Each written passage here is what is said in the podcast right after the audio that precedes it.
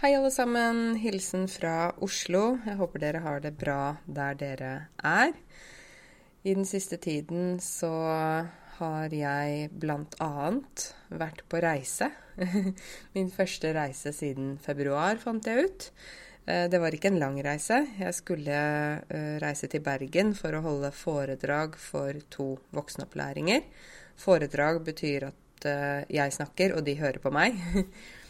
Og dette var jo egentlig planlagt siden april.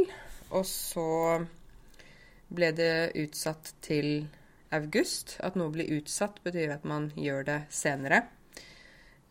Og i august så ble det utsatt til november. Så jeg skulle da holde foredrag i Bergen fredag som var.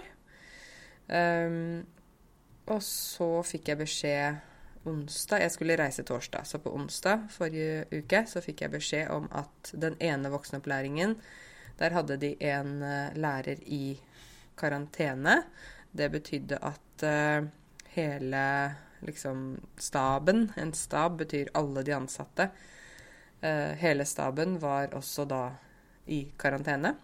Noe som jeg syns var litt rart, men ja, jeg vet ikke. Eh, så fra at jeg skulle holde foredrag for over 30 lærere, så ble det plutselig bare 10 lærere. Eh, men så sa jeg til de at nå har vi utsatt mange ganger, og vil dere fortsatt at vi skal gjennomføre dette? Så sa de ja. Jeg hadde jo allerede bestilt flybillett og sånne ting. Så da torsdag, når jeg satt på flyet hadde tatt på meg sikkerhetsbelte. Uh, og flyet skulle begynne å rulle ut på det vi kaller for rullebane. Det er der flyet liksom kjører før det letter, altså før flyet går opp i lufta. Før flyet tar av, eller før flyet letter. Så eh, skulle jeg akkurat til å sette på flymodus på telefonen min, for det må man jo ha når man er ute i fly. Og da fikk jeg telefon fra den siste voksenopplæringen om at de hadde fått korona på skolen sin blant en av elevene. Og så sa hun jeg snakket med, du må, du, kan du gå av flyet? Du, du, trenger ikke reise til Bergen, vi må avlyse det. Og så sa jeg eh, vel, nå sitter jeg på flyet, jeg kan ikke gå ut av flyet. Jeg har sjekket inn bagasjen, og jeg har eh, ordnet med mange ting for at jeg skulle til Bergen. Så da Nå må jeg bare reise til Bergen, for nå sitter jeg her på flyet. Så hun sa ja, OK.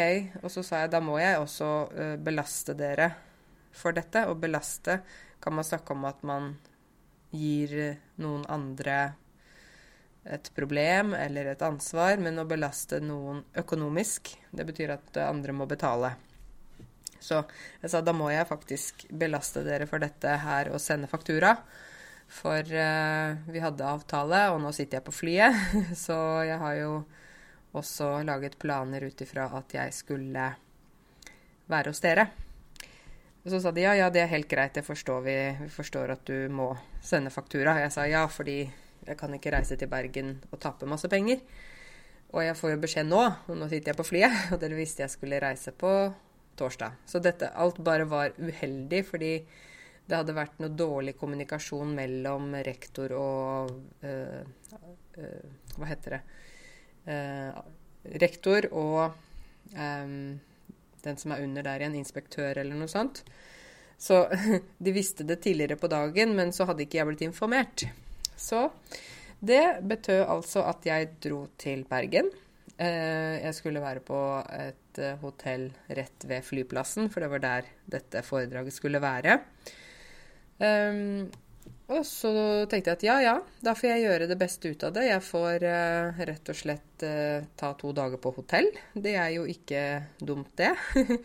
det var jo godt å bare få en forandring, selv om jeg da, da begynte å, de å snakke mye om hva som skjedde i Bergen i forhold til smittetall og sånne ting, så jeg bestemte meg for å ikke reise inn til byen.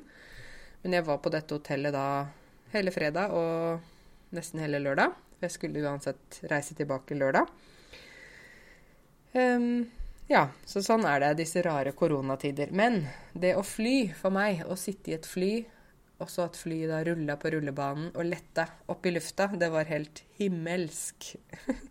at noe er himmelsk, betyr at det er helt fantastisk. Det er så fantastisk som liksom i himmelen, da. Um, Bokstavelig talt også, faktisk, fordi flyet er jo i himmelen. Men at noe er himmelsk, kan man også si om f.eks.: Å, det var en himmelsk deilig sjokoladekake. Ikke sant? Så man kan bruke det på forskjellige måter. Men det var helt himmelsk å fly igjen. I himmelen. um, fordi som dere vet, så er jeg veldig glad i å reise. Og jeg får helt fnatt av å ikke reise. Å få fnatt betyr at man, man blir liksom litt sånn ko-ko. Eller man blir sånn Åh, jeg, jeg, ja, jeg får fnatt. Det er et sånt uttrykk, da. Å få fnatt, da blir man litt sånn Man blir ikke gal, men man blir liksom Skjønner dere hva jeg mener? Sånn Åh, jeg blir for fnatt. Jeg, eh, noe jeg ikke liker, eller noe sånt. Eller for eksempel, jeg får fnatt av deg når du oppfører deg sånn. Ikke sant? Eller jeg får fnatt av uh, korona. Ja, det får jeg faktisk også fnatt av. F-n-a-t-t. Så jeg får fnatt av at jeg ikke kan reise, så det var godt å bare reise, selv om det ikke var sånn reise til utlandet. Um, bare det å føle på liksom Fordi at det, altså når jeg er på flyplasser, jeg har jo reist så veldig mye at jeg kjenner liksom Gardermoen f.eks. kjenner jeg nesten ikke kan lukke øynene og gå inn der, fordi jeg kjenner prosedyrene så godt, ikke sant. Uh, sjekke inn på disse automatene, sende av gårde bagasjen gå gjennom sikkerhetskontrollen, ta ut datamaskinen min, eh, ta av støvlene mine, legge toalettsaker i, i, en plastpose så de ser det. Alt, alt, det der kjenner jeg veldig godt. Og liksom Når bør jeg være ved gaten? Når skal jeg gå om bord? Hvordan skal man oppføre seg på fly? Hvis man sitter ved nødutgang, så kan man ikke ha bagasje som ligger løst. Altså, jeg kjenner til alt. Så jeg føler jeg kan nesten gjøre det i blinde. Å gjøre noe i blinde betyr at man kan bare nesten lukke øynene og gjøre det. Så eh, for meg så var det bare godt å bare ta seg en tur vekk, om det så var i Bergen. Helt OK. Um, jeg må nesten snakke litt om korona. Jeg veit at dere sikkert er lei av å høre om det, men det er liksom det som er det store nå for tiden. Og det er jo fordi vi har nå en bølge nummer to. Bølge, vet dere, det er jo i havet, ikke sant, når vannet går sånn opp. Bølge, En tsunami er jo en kjempestor bølge, men små bølger. Men vi har nå bølge nummer to her i Norge med koronasmitte. Um, og det var vel egentlig forventet. Det at noe var forventet, betyr man tenkte at det kom til å skje. Um, fordi det blir jo sånn, ikke sant Etter sommeren så var det mange som reiste. Eh, fordi at man, var, man, ville bare gjøre noe. Så folk reiste, og så blir folk litt sånn slappe etter hvert, sånn at de ikke tenker så mye på smittevern, kanskje. Og så blir man litt sliten og lei av det. Man får litt fnatt av hele eh, viruset. Man har lyst til å leve som normalt igjen. Og da er det lett å glemme seg, og glemme at vi fortsatt står i en pandemi. At vi står i en pandemi, betyr at vi er i en pandemi, da. Vi står Man kan si jeg står i et problem. Jeg står i en vanskelig situasjon. Det betyr at du er i et problem. Du er i en vanskelig situasjon. Så vi står fortsatt i en pandemi, dessverre. Og pandemi betyr jo da over hele verden, ikke sant? Um, det er ikke borte. Mange land har jo fått bølge nummer to nå veldig kraftig. Og det har blitt nedstenging av samfunnet igjen. Og når man da stenger ned, så betyr det Altså Hvis man stenger ned helt, så betyr det jo at uh, alt blir stengt. Restauranter, butikker. Det er kanskje bare matbutikker som er åpent, og så kan man bare uh, gå ut og gå uh, på matbutikken og hjem igjen. Sånne ting. Så um, vi har ikke stengt helt ned, men Oslo og Bergen, fordi det har vært så mye smitte der, har fått da egne restriksjoner, egne regler som nå gjelder. Her i Oslo så startet det i dag. Um, fordi at det har vært så høy smitte i Oslo, da. Og da var det bl.a. at uh, det, man skal helst ha hjemmekontor. Uh, jeg har jo mitt eget kontor, og jeg kjører bil til jobben, sånn at jeg drar på kontoret. Fordi at jeg snakker jo ikke med noen. Jeg går fra garasjen og rett inn på kontoret mitt. Sånn at jeg tenker at jeg går ikke rundt her og hilser på folk, på en måte. Da tenker jeg at det, det er greit. um, Men, men eh, der man jobber mange ikke sant, på kontor, da skal de ha hjemmekontor. Og da er også bedriftene pålagt å legge til rette for hjemmekontor. Å være pålagt betyr at de må. Så de har pålagt å legge til rette for. Det betyr å tilpasse, eller sånn f.eks. kjøpe inn nødvendig utstyr som folk trenger for å kunne jobbe hjemme. Det Om det er datamaskin, om det er en bedre stol, bedre tastatur, eh, sånne ting, så er bedriftene pålagt å gjøre det. Det betyr de må det. Um, og så er det da full skjenkestopp i Oslo. Skjenkestopp. Og skjenke betyr at man heller i et glass. Ok, Jeg kan skjenke i kaffe til deg, skjenke i eh, vann i glasset ditt, men jeg skal også skjenke i vin, eh, skjenke i øl i glasset ditt. Ja. Så skjenkestopp betyr at det er ikke noe alkoholservering.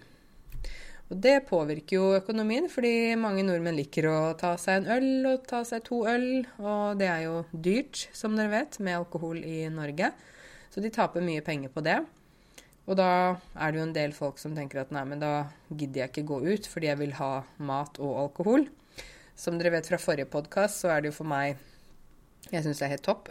For jeg, jeg, drikker ikke uansett. Så jeg, jeg spiser gjerne på et sted der det ikke er alkoholservering. Jeg syns det er helt OK. Jeg har ikke noe behov for, for det. Så for meg så har, spiller det ingen rolle, egentlig. Men det påvirker økonom, økonomien til en del av disse bedriftene eller disse restaurantene, som gjør at de ikke da kan holde åpent. Fordi at alkoholserveringen er en så stor del av deres inntekt. Så øh, jeg så jo i går blant annet, så er det et sted jeg pleier å spise lunsj, som heter Oslo Street Food. Der er det sånn forskjellig type mat uh, fra forskjellige land på sånn, sånn, Ikke restaurant, du vet det er sånn en slags uh, Hva skal jeg si? Uh, på engelsk sier man sånn booth. Altså at det er en sånn liten bu, da. Med indisk mat, thaimat, gresk mat, ikke sant, koreansk mat, forskjellig. Og der pleier jeg å spise lunsj av og til, fordi det er spennende å spise forskjellig type mat, og så det, går det ganske fort. Og så er det ganske sånn avslappende stemning, da. Det er ikke sånn Man må ikke ta på seg pene klær for å gå dit, hvis du skjønner. Men det var altså stengt i går. Så jeg skulle egentlig eh, spise lunsj der, men det var stengt, for de sa vi er stengt på ubestemt tid.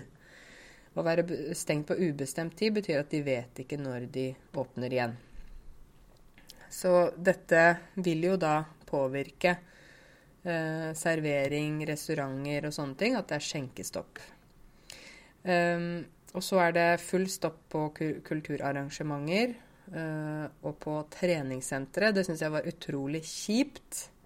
Kjipt. K-j-i-p-t. Kjipt, må jeg si med sånn smile. Kjipt. At noe er kjipt, betyr at det er kjedelig, det er dumt, det er irriterende, det er ikke noe positivt, da. Eh, det er sånn som gjør at man blir litt skuffet. Så det var kjipt at treningssentrene stengte, nå da i tre uker. Og som dere vet, så har jeg en PT, Felicia. Hun er eh, kjempeflink, og jeg har jo timer med henne to ganger i uka. Vi trener styrke og litt forskjellig. Å trene styrke betyr at man trener med vekter, altså sånn manualer, ikke sant, løfter og ja.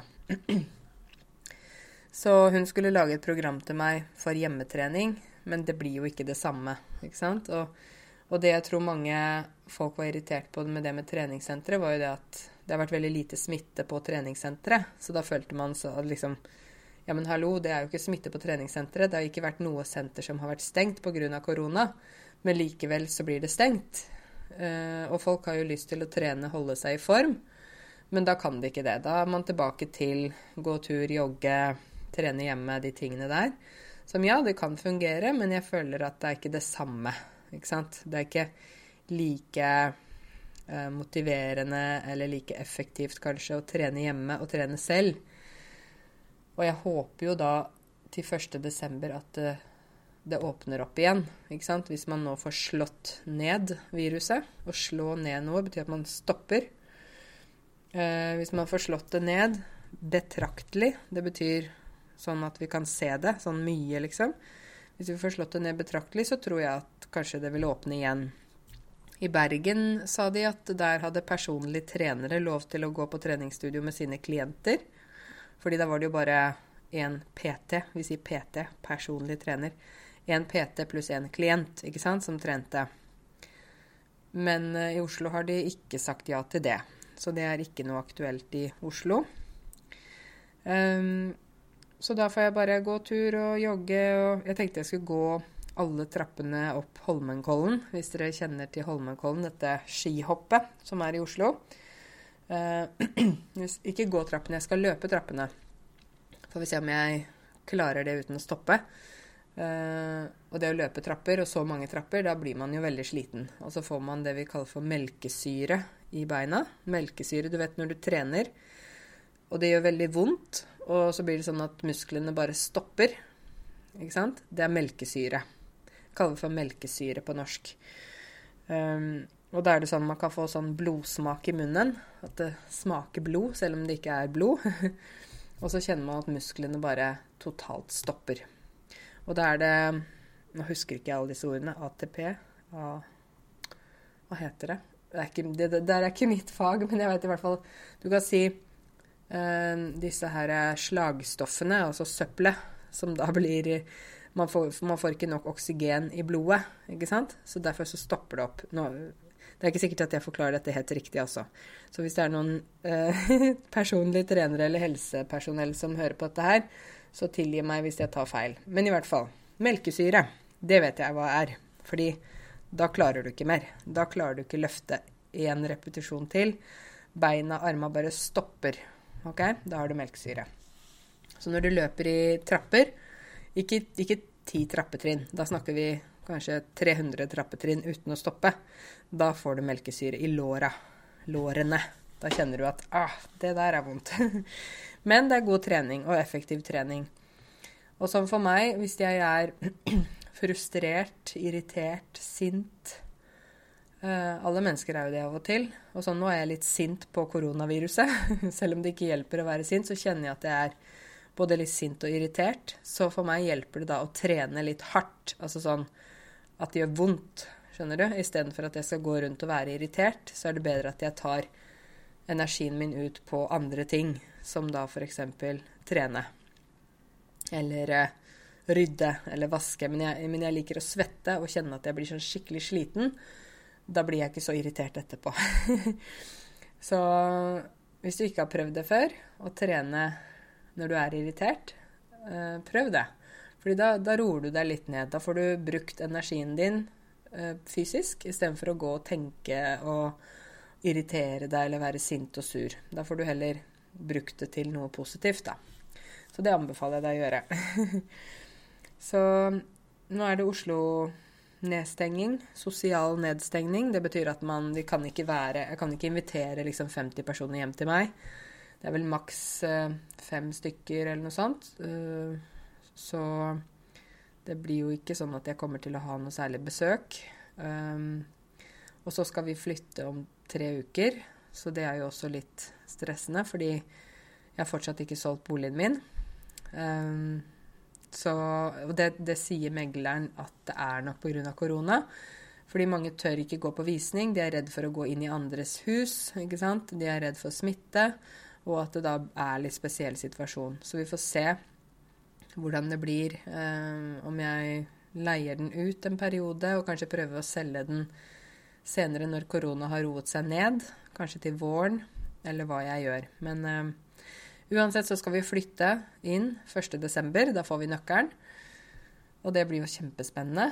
Og så er det jo et stort hus, så vi har jo ikke halvparten av de møblene vi trenger. Så det, vi får bare ta det litt og litt. Fordi vi kan ikke kjøpe kjempemasse møbler på en gang. Altså, det er jo veldig dyrt. Så vi får bare Vi får bo oss til. Å bo seg til, det er refleksivt verb. Det betyr at man flytter inn. Og så, som tiden går, så liksom finner man uh, hvordan man liker å ha det, hvor møblene skal stå. Uh, man kjøper nye møbler, tepper, gardiner.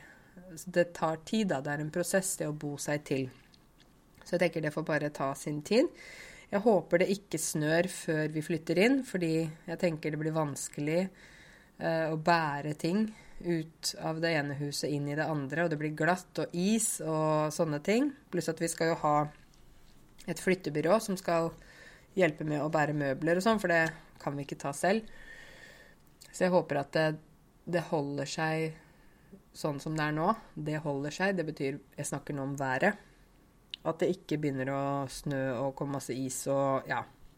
Det kan gjerne snø 5.12., men ikke, ikke før vi har flytta inn, vær så snill. Jeg kan ikke styre det, men uansett. En annen stor sak, dere, som jeg må snakke om, selvfølgelig. Jeg må jo snakke om valget i USA. Jeg må ikke, men jeg vil det. Jeg vil snakke om det, fordi nå har vi jo hatt Altså, de amerikanerne har hatt fire år med Trump. Eh, og jeg kan bare være helt åpen og si at jeg var ikke glad for at Trump ble president. Det, det står jeg for, og det sier jeg høyt. Um, jeg syns jo Trump uh, Jeg syns det var helt utrolig at han skulle bli president. Jeg tenker at han Det er spesielt fordi han er en forretningsmann. En forretningsmann betyr en som har egen forretning, altså businessmann. Det er jo spesielt når businessfolk kommer inn i politikken også, fordi de, de har jo kanskje andre hensikter enn folk som ikke er i business, da. Ikke sant? Samtidig kan det jo være bra at man får businessfolk inn i politikken fordi man kan se De kan se ting på en annen måte, ikke sant? Med litt sånn et annet blikk. Men akkurat Trump syns jeg var en veldig dårlig kandidat for å være president for eh, et av verdens mektigste land. For jeg syns han har rota det til. Å rote det til betyr at man lager kaos, rett og slett. Han har jo sagt opp flere eh, internasjonale avtaler. Eh, han eh, har sagt opp den klimaavtalen.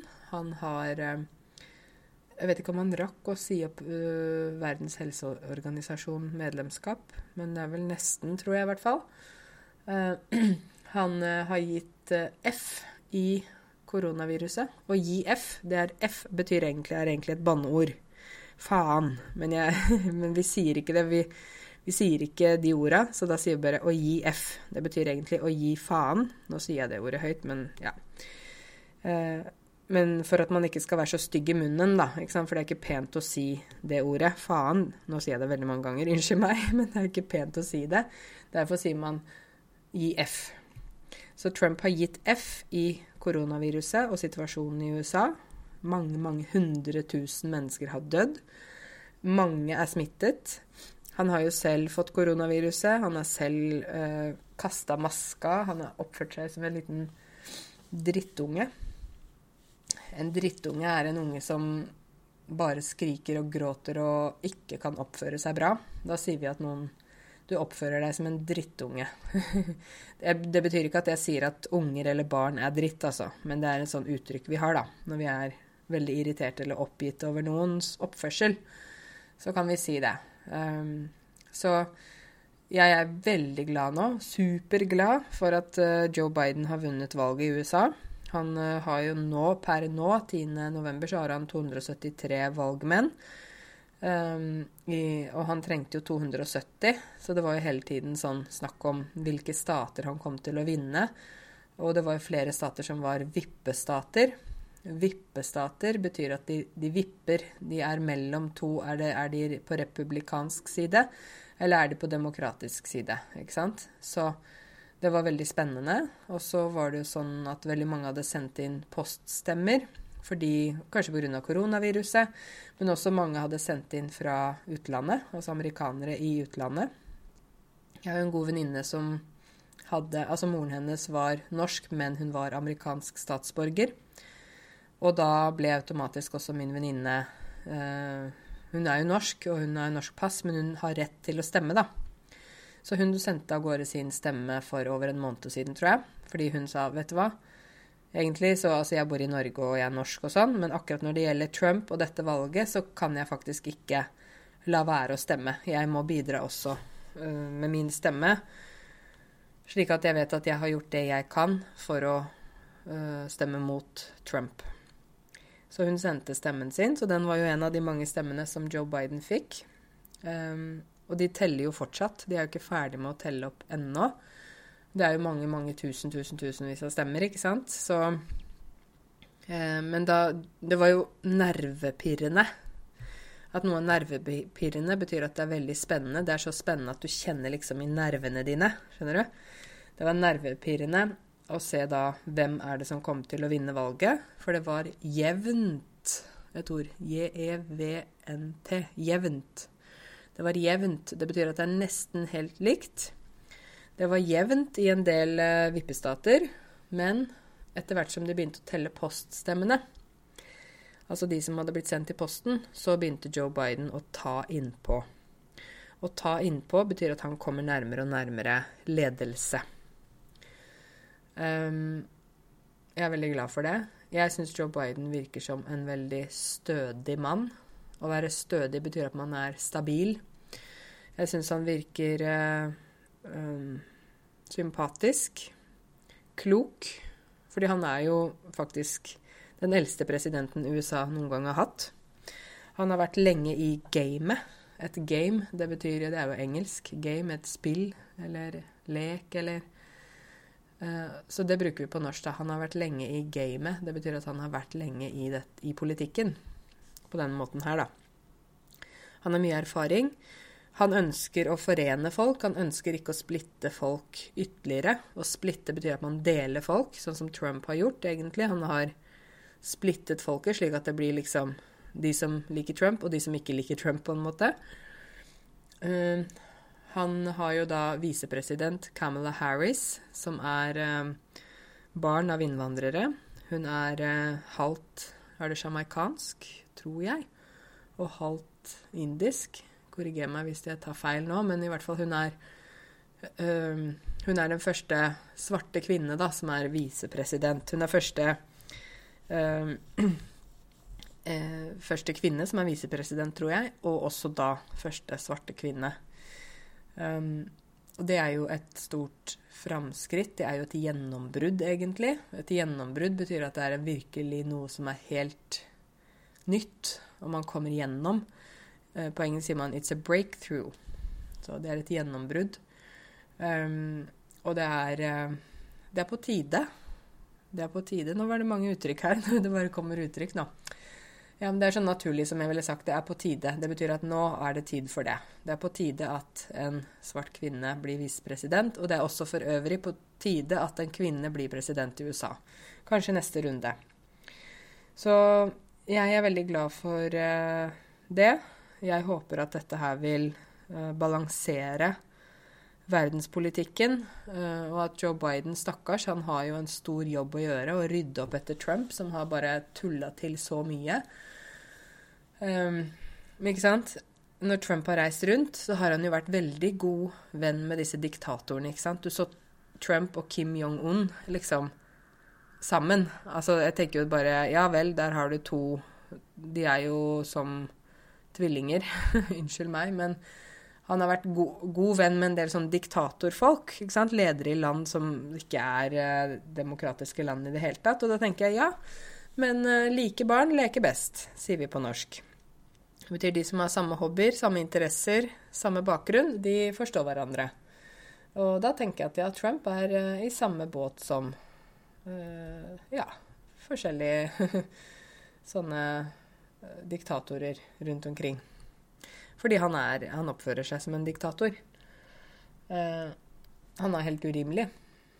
Å være urimelig betyr at man ikke er fornuftig, at man er bare helt Liksom Det man gjør, har ingen logikk, har ingen Det er ikke noe bra ved det man gjør, da.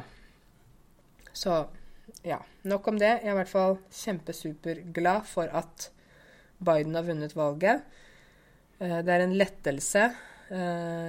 Som jeg snakka om det der Black Lives Matter, ikke sant, så hørte jeg på en sånn reporter på CNN på TV som, som da er svart, og som da snakket for uh, Han snakket om det at Biden hadde vunnet. Han sa endelig fordi OK, det har vært denne kampanjen med George Floyd og sånn, hvor han sa 'I can't breathe', ikke sant? Hvor han ble jo uh, Han ble jo presset mot fortauskanten så han ikke klarte å puste.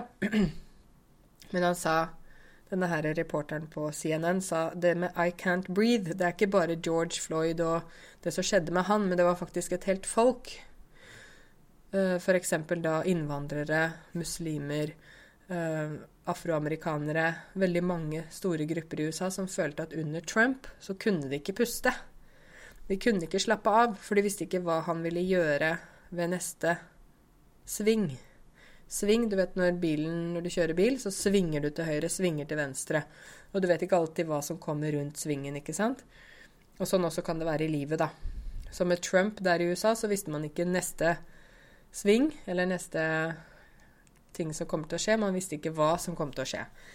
Og det er det som har på en måte vært veldig ustabilt da, med Trump, blant annet. En del av mange ting. Men nå nå er det så stille fra han. Helt stille. Han hadde vært og spilt golf den dagen Joe Biden vant.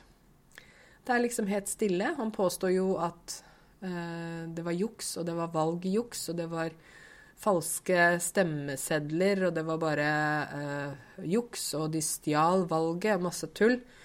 Tenker jeg, vet du hva, nå Trump, nå er det nok. Nå holder det. Nå kan du bare være stille gå inn tilbake til dine egne ting. Slutt å blande inn i politikk, verdenspolitikk. Du må bare ut. Ut, vekk, ferdig. ja, så tydelig må jeg bare si dere at det, sånn, det tenker jeg. Og jeg står for det jeg mener. Det vet dere. Så, men jeg tenker en god leder for et land, for en nasjon, er en person som klarer å se um, på et bredt perspektiv klarer å se flere sider av en sak, klarer å lytte, klarer å um, reflektere. Um, ikke sant? Ikke bare skal kjøre gjennom med sine ting uten å lytte til andre. Jeg tror det er, det er faktisk noe som mange mennesker trenger trening på. Det er lytte. Det å lytte. Ikke bare kjøre på uten å høre hva andre har å si. Det gjelder jo mange forskjellige personer, og det gjelder jo i familier, det gjelder mellom venner, det gjelder mellom kollegaer, det gjelder på jobb. Det gjelder Ja. Så vi må lære oss å lytte til hverandre også, ikke bare snakke. Av og til så Vi sier jo tale er sølv. Tale betyr å snakke. Tale er sølv, tie er gull. Og tie betyr å ikke snakke. Være stille. Ikke sant? Sølv er jo sølv. Nummer to nummer én er gull i sporten, ikke sant. Så har man gull, sølv og så bronse. Så tale er sølv, tie er gull. Av og til så er det sånn. Um, ja. Dere, jeg har uh, sett en uh, dokumentar på NRK som heter 'Jenta som forsvant'. Anbefaler dere å se den. 'Jenta som forsvant' handler om Therese Johannessen som eh, forsvant fra Fjell i Drammen i 1988. Jeg husker det godt. Jeg var jo født i 85, så jeg var tre år. Og så var det de årene etter der. Hun forsvant, altså. Hun ble borte. Og de har aldri klart å finne henne igjen. Det har vært mange teorier, det har vært mange søk, det har vært mange, mange ting som har uh, uh, De har prøvd å finne henne, de har prøvd forskjellige teorier, prøvd å finne hva som skjedde med henne. Lever hun? Er hun død? Hva har skjedd? Hun ble bare borte en, eh, en kveld. Uh, var ute og lekte med vennene sine. Og så uh, Plutselig så var hun borte. Altså hun hadde uh, De vet ikke hva som skjedde. Jeg anbefaler dere å se den, 'Jenta som forsvant'. For jeg husker da jeg vokste opp, så var det jo den Therese-saken. Vi kaller det for Therese-saken. Altså det er, handler om Therese, da. Så var det sånn at vi barna og vi bodde jo i Åmot, ikke sant. Det er jo en halvtime fra Drammen, så det er jo ikke så langt unna. Eh, jeg husker jeg fikk beskjed av foreldrene mine om at hvis det kommer noen med bil um, med godteri Hvis det kommer en mann som prøver å snakke med deg, en mann du ikke kjenner, da må du ikke snakke med han, da må du gå hjem med en gang. Du må ikke snakke med fremmede. Fremmede, altså folk du ikke kjenner. Du må ikke ha kontakt med noen du ikke kjenner. Du må ikke gå bort til dem. Du må ikke ta imot noe gave fra dem. Uh, hvis de kommer med godteri eller sånn. Og jeg husker det så godt at jeg, jeg var litt redd. Fordi tenk om noen kommer og tar meg. Er det, noen, er det en mann som skal komme og ta meg? Ikke sant? Og foreldrene var jo kjemperedde også, fordi de visste jo ikke hva som hadde skjedd med Therese. Hun var sporløst forsvunnet. Å være sporløst forsvunnet betyr at man Det er ingen spor. Det er ingen Man kan ikke se noe tegn, da etter den personen. Det er bare borte. Og i den 'Jenta som forsvant', den dokumentaren på NRK, så handler det om uh, moren til Therese. Som uh, har lett i alle disse årene. Hun har prøvd å finne Therese, prøvd å finne hva, hva som skjedde med henne. Hvor er datteren min? ikke sant? Kan du tenke deg selv? Barnet ditt er borte. um, og hun eh, er da i den dokumentaren Nå er det 32 år siden Therese forsvant. Og hun, eh, eh, mammaen, snakker om Jeg tror hun heter Inger-Lise. Hun snakker om uh, hvordan hun har opplevd dette, hvordan situasjonen er i dag. Kanskje det er noen som vet noe. For nå er saken over 30 år, og da er den blitt foreldet. At noe blir foreldet, betyr at det, man sier at det, nå er det veldig gammelt, og nå er det over. Så hvis det er noen som uh, tok Therese i 1988, og hvis det er noen som drepte Therese i 1988, så kan de melde seg til politiet nå, men de vil ikke komme i fengsel. De vil ikke få noe straff, ikke noe dom, fordi saken er så gammel. Så det var det de tenkte nå, at hvis vi går ut på NRK, på TV, og, og ber eh, innstendig om Innstendig betyr at man ber veldig mye. Man ber om det er noen som vet noe, om de kan komme og melde seg for politiet, slik at familien til Therese kan få fred. Og i hvert fall vite. Det er bedre å vite enn å ikke vite noen ting. Ikke sant? Ikke vite hvor noen er. Ikke vite hva som skjedde med de. Ikke sant? Eh, du tenker på barnet ditt. Hva skjedde med barnet mitt? Hvor er barnet mitt? Lever hun? Er hun død? Eh, det var jo også en teori om at hun hadde blitt tatt med til Pakistan. Fordi de visste ikke helt om Therese um, Om faren til Therese var faren til de to andre uh, søstrene også, eller om, om uh, Therese hadde en far som hadde pakistansk bakgrunn. Fordi mammaen til Therese ble gravid da hun var rundt 17 år. Og så Det var med pappaen til de to andre jentene også. De fikk jo tre jenter. Så hun uh, hadde vel vært da som tenåringer, ikke sant. Hadde hatt sex med han fra Pakistan, eller ja, han var jo nå norsk-pakistaner. Og så da en måned senere eller noe med pappaen til jentene. Men da hun konfronterte denne pakistanske mannen og sa kanskje barnet er ditt, så sa han nei, det går ikke, jeg kan ikke få barn. Men det ble jo vist senere at han hadde jo fått familie, da, så han kunne jo få barn. Og da kom det jo en teori om Therese hadde blitt kidnappet og tatt med til Pakistan. Å bli kidnappet betyr at man blir jo tatt, ikke sant? Barn som blir tatt. Men de prøvde å søke på passasjerlister på fly da i 1988, fra den dagen og seks måneder frem. Fant ingenting. Det var i Pakistan. Prøvde å snakke med folk der. Det var ingenting. Så Pakistan-sporet Et spor er liksom noe sånn som gir oss en uh, idé om noe. Spor når vi tråkker i snøen med skoa våre, så ser vi spor. Skospor. Så vi kan se, ikke sant? Så spor er liksom noe som leder oss i en vei, en retning. Ledetråd er også et annet ord. Men i Pakistan var det ingen ledetråder. Um, og så i 1996, tror jeg det var, så var det en som het Thomas Quick, eller Sture Bergwall. Han hadde to navn som var mentalpasient fra Sverige, som tilsto drapet på Therese. Å tilstå betyr at man uh, sier det er jeg som gjorde det. ikke sant? Akkurat som ISIS, eller uh, Daesh, dere som snakker arabisk, sier jo ofte at det var de som har gjort terrorangrep. ikke sant? De, de tar på seg skylden og sier det var oss, det var vi som gjorde det, vi har gjort det. Så han Thomas Quick han påtok seg skylden. Han tilsto drapet på Therese og skulle forklare hvor hun lå, og han hadde brent henne og kasta innvoller Innvoller, altså tarm, nyre, lever, i, ja, i et vann, i en skog eh, på grensa til Sverige. De søkte gjennom hele vannet og tømte hele vannet. Prøvde å finne beinrester, det var ingenting. Men han ble dømt for drapet på Therese. Og så, ti år senere, så sa han det at han hadde ikke gjort det. Eh, og han hadde også tilstått drapet på jeg tror det var åtte barn til sammen. Forskjellige forsvinningssaker. Forsvinningssak betyr det er noen som er borte, som man ikke har funnet. Så han sa nei. Ingenting av det stemmer. Jeg har ikke drept noen. Jeg er psykisk syk. Jeg er gal. Jeg, det er ikke jeg som har gjort det. Og da kom han tilbake til at nei, han har ikke gjort det. Kanskje ikke. Også, for de kunne ikke bevise sånn helt 100% heller. Um, så saken står fortsatt uløst.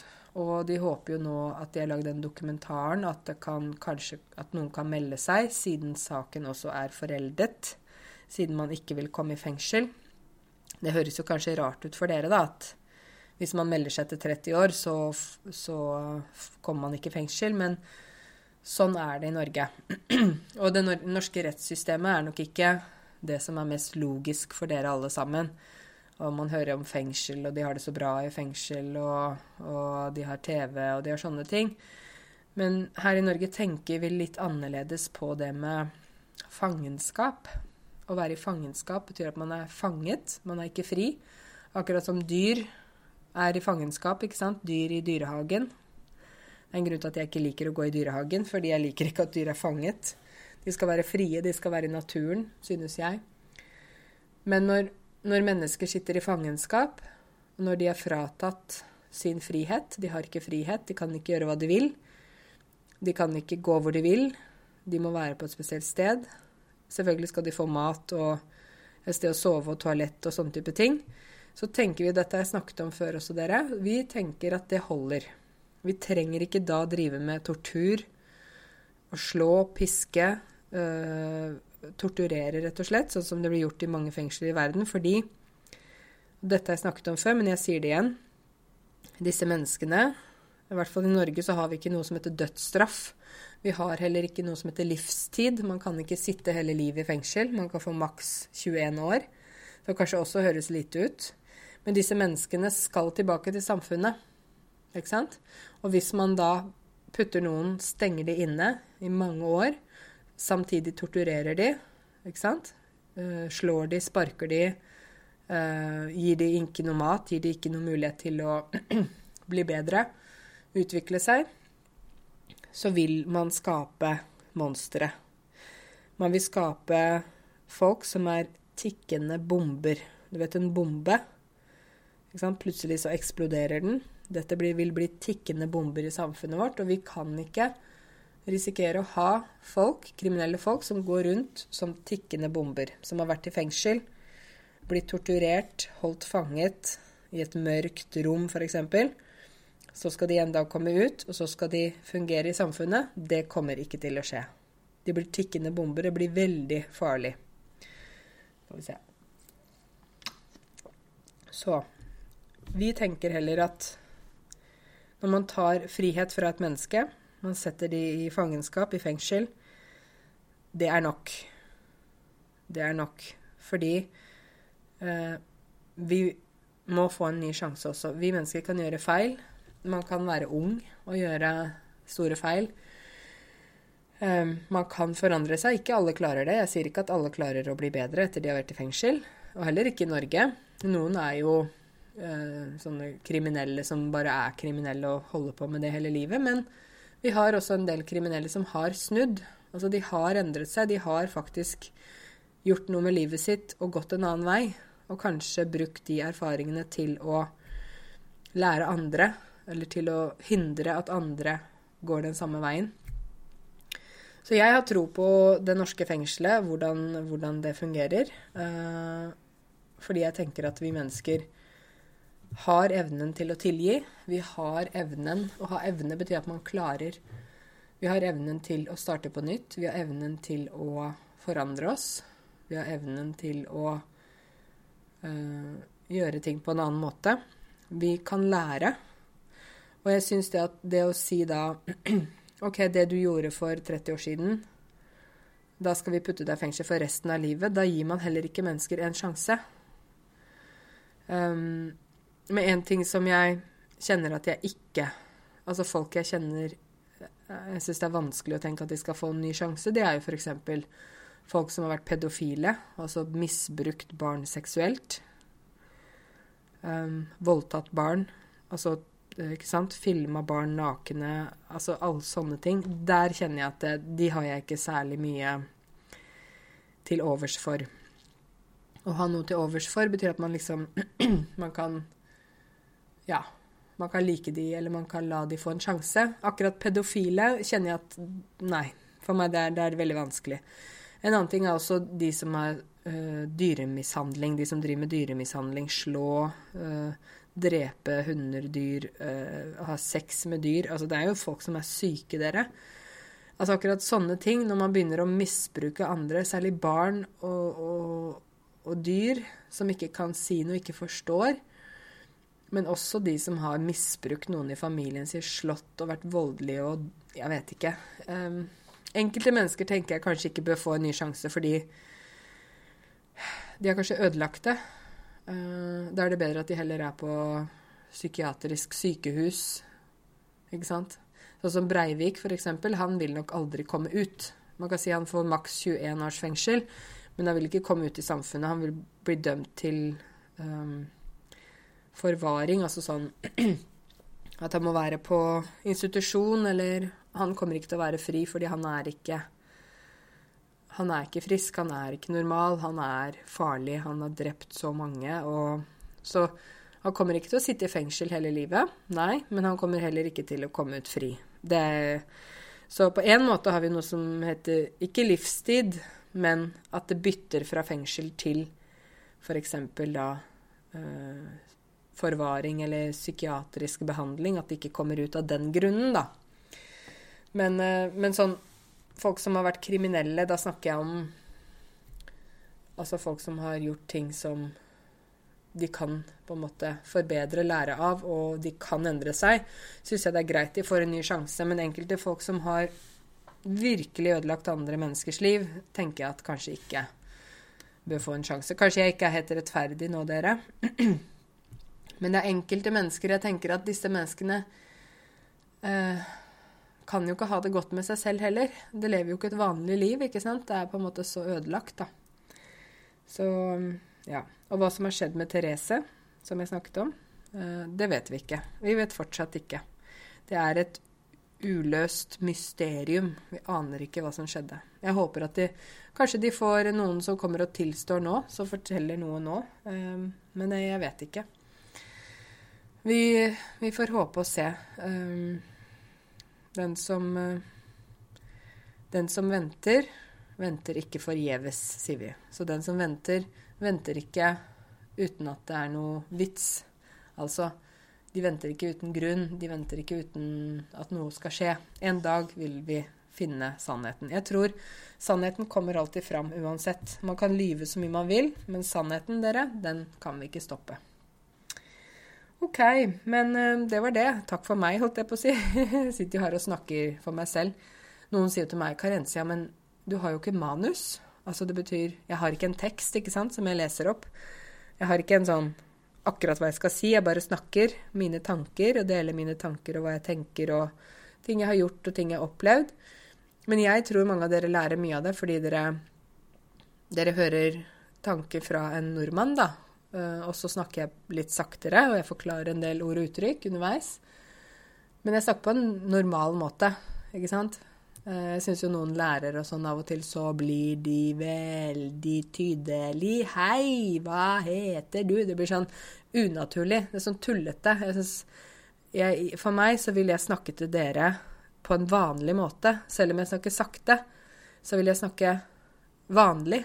Skjønner du? Jeg vil ikke snakke sånn unaturlig, sånn rart. Uh, dere er jo voksne folk, ikke sant, så ja. Men uh, manus trenger jeg ikke, fordi dere vet jeg heter Karense Fosslien Foss. Jeg snakker som en foss, jeg snakker mye. Nå har jeg snart snakka i 50 minutter, så nå må jeg ta meg litt vann her, dere. Men uansett, takk for at dere hørte på. Ta vare på hverandre. Pass på dette med korona. Og uh, hold motivasjonen oppe. Dere som bor i Oslo og Bergen, tren ute, gjør noe. Tren hjemme, ikke sett deg ned i sofaen. Prøv å gjøre noe. Og er du sint og irritert, ta deg en treningstur. Ta deg en gåtur. Eh, gjør noe istedenfor å være sint og irritert. OK, tusen hjertelig takk for at du lyttet til meg, og så snakkes vi snart igjen. Høres snart igjen. Ha det.